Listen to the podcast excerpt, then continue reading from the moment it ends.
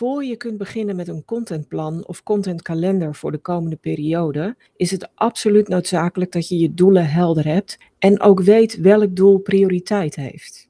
Heb je dat niet helder, dan loop je het risico dat je gaandeweg ontevreden raakt met je contentplan. In deze aflevering leg ik je uit hoe je met die doelen aan de slag kunt gaan en hoe je kunt voorkomen dat je contentplan uiteindelijk niet doet wat jij wil.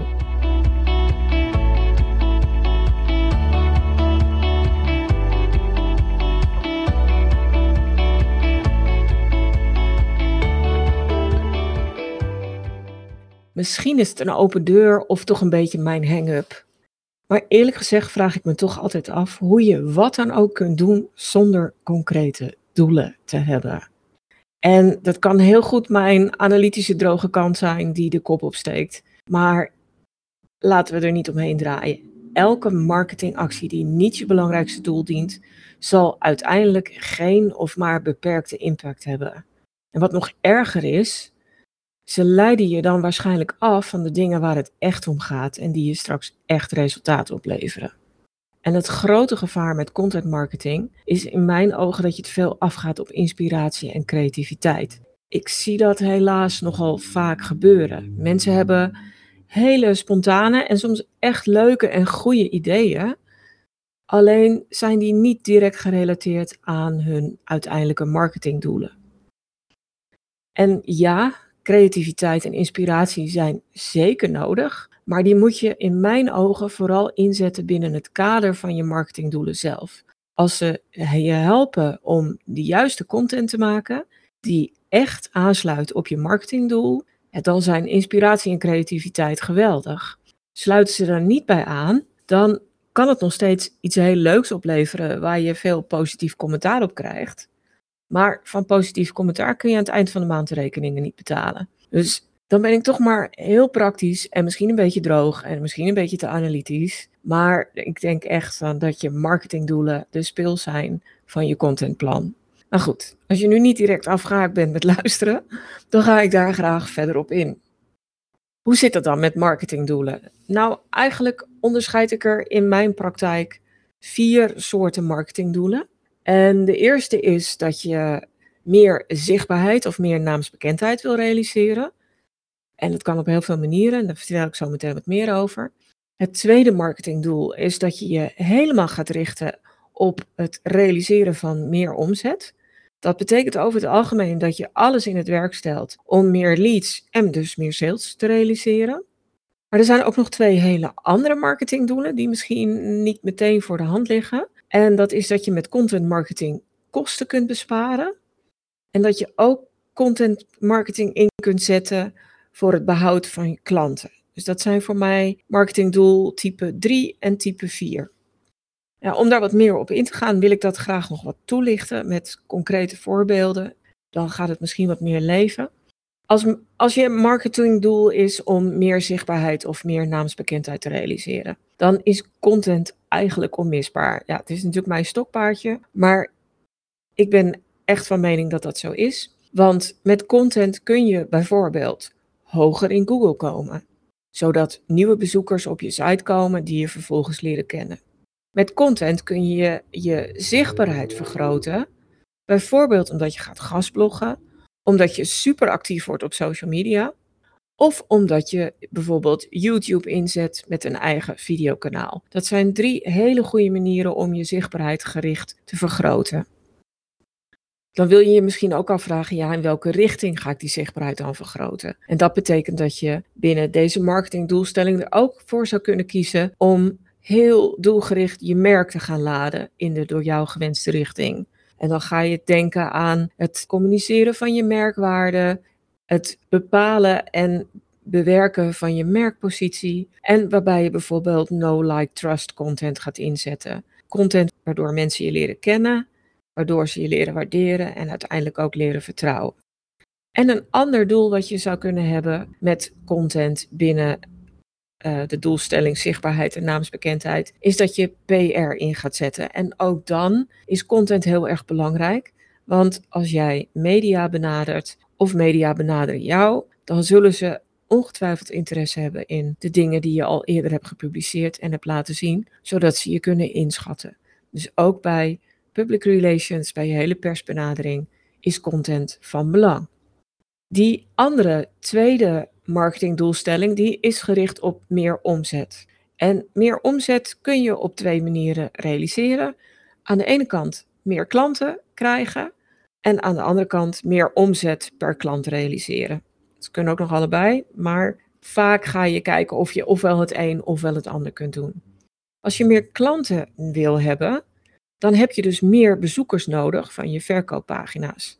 Dat betekent dat je die pagina's moet optimaliseren en ook qua inhoud en overtuigingskracht, maar ook voor een goede positie in Google. Dus dat kan een heel goed doel zijn. Je kunt ook je helemaal richten op het realiseren van meer leads. Bijvoorbeeld doordat je een paar hele mooie, doeltreffende werkgevers gaat maken. Of omdat je iets bedenkt waardoor je doelgroep tijdelijk gratis kan proeven van je kennis. Of bijvoorbeeld een gratis scan bij je kan doen. En voor al deze dingen heb je natuurlijk content nodig. Ten slotte kun je meer omzet ook realiseren met heel gerichte opwarm- en lanceercampagnes. Dus je weet nu bijvoorbeeld al dat je over drie, vier of vijf maanden een nieuw product of een nieuwe dienst in de markt gaat zetten.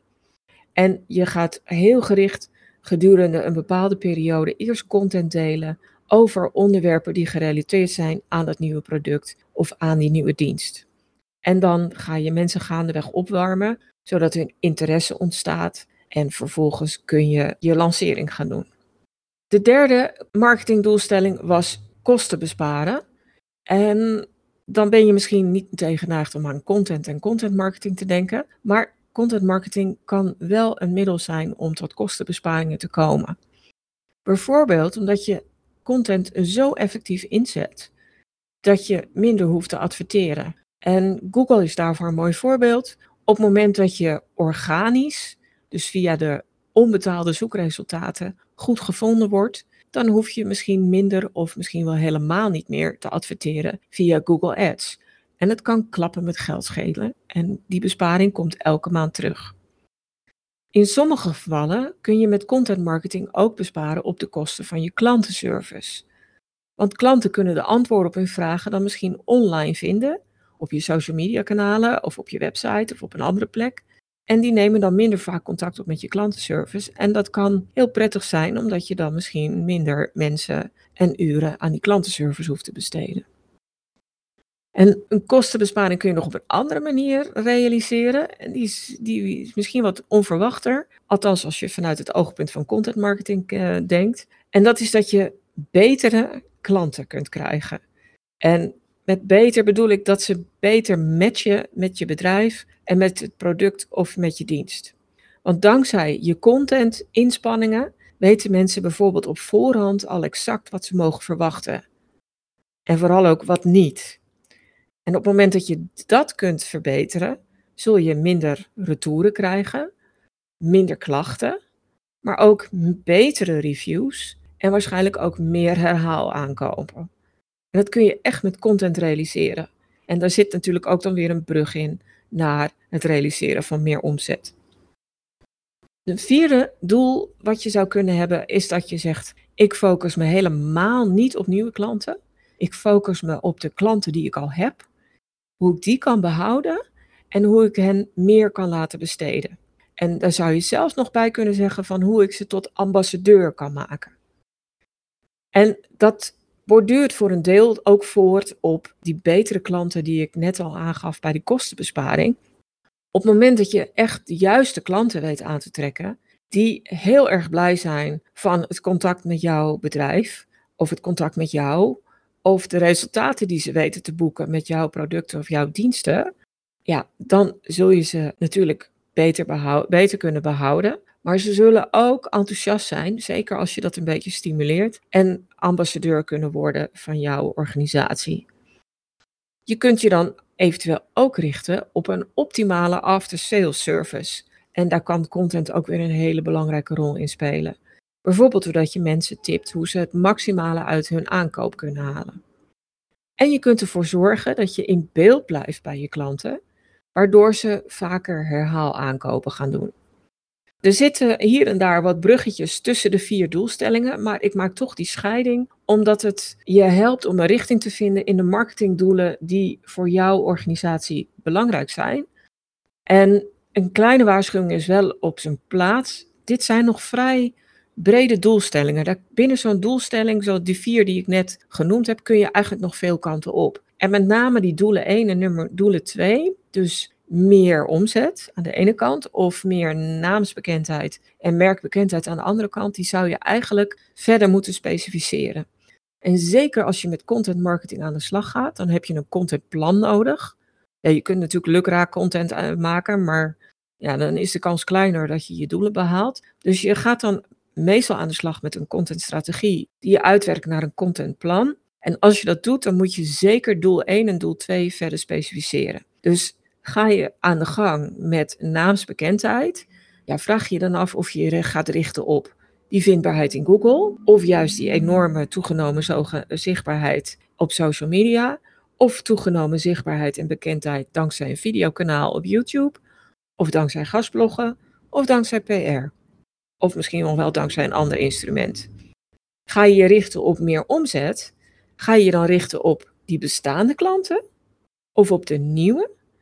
Of ga je je heel erg richten op het realiseren van veel meer leads? En wat zijn dat dan voor leads? Zijn dat nieuwsbriefabonnees?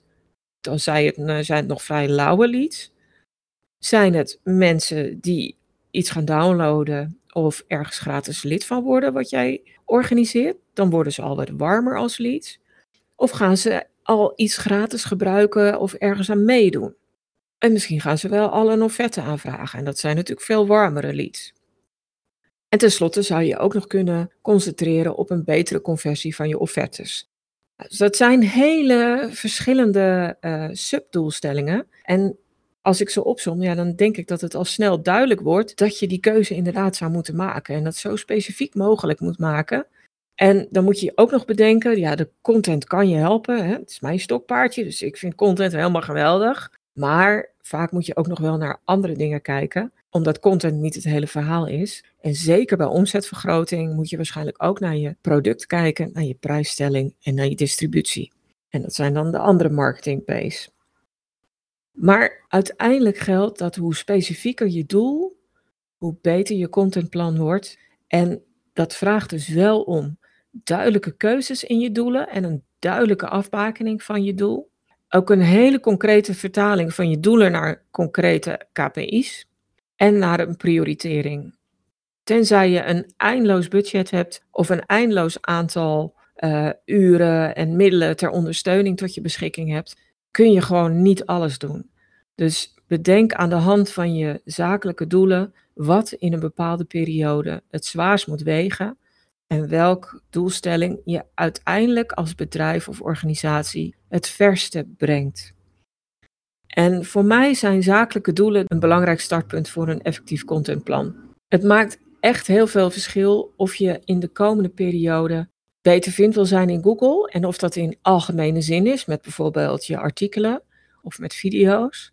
Of dat je heel gericht vindbaar wil worden en dan vooral natuurlijk met je verkooppagina's of met andere cruciale pagina's op je site die voor jouw organisatie van enorm belang zijn. Je kunt je ook focussen op meer leads. En ga je dat dan doen door hele goede weggevers te maken in combinatie met gerichte artikelen? Of ga je dat doen door een strategische serie oplossingen te maken, waarbij je meer basic problemen van je doelgroep adresseert en laat zien hoe je die oplost, waarbij je steeds verwijst dat jij de ideale manier of product of dienst hebt om gevorderde problemen van je doelgroep op te lossen. Afhankelijk van je doelen die je kiest, kun je daar op verschillende manieren een strategie aan hangen. En die strategie is dan ook weer bepalend voor de inhoud van je contentplan. Dus uiteindelijk start ik zelf altijd met de marketingdoelen die een bedrijf heeft. En meestal is dat toch wel een gewetensvraag voor de ondernemers of andere betrokkenen bij een bedrijf. Ja, wat vind je nou echt het allerbelangrijkste om te realiseren? En welke prioriteit breng je aan? En welke doelen en subdoelen zijn voor jou nou echt cruciaal?